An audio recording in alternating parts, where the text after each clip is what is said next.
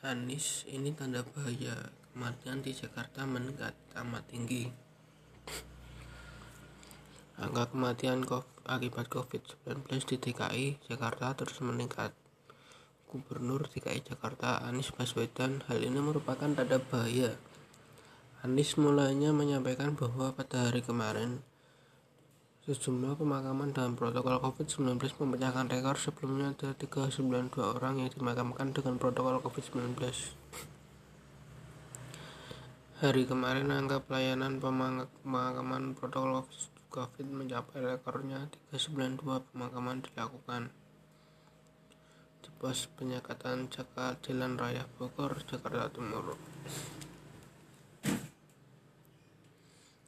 Menurut Anies, hal ini menunjukkan kasus kematian di DKI Jakarta meningkat tajam.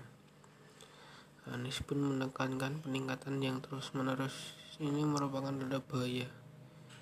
Tapi menambah liang kubur, menambah jumlah orang yang dimakamkan ini adalah sebuah tanda bahaya bagi semuanya. Bahwa jumlah kematian di Jakarta sudah meningkat amat tinggi, ucap Anies.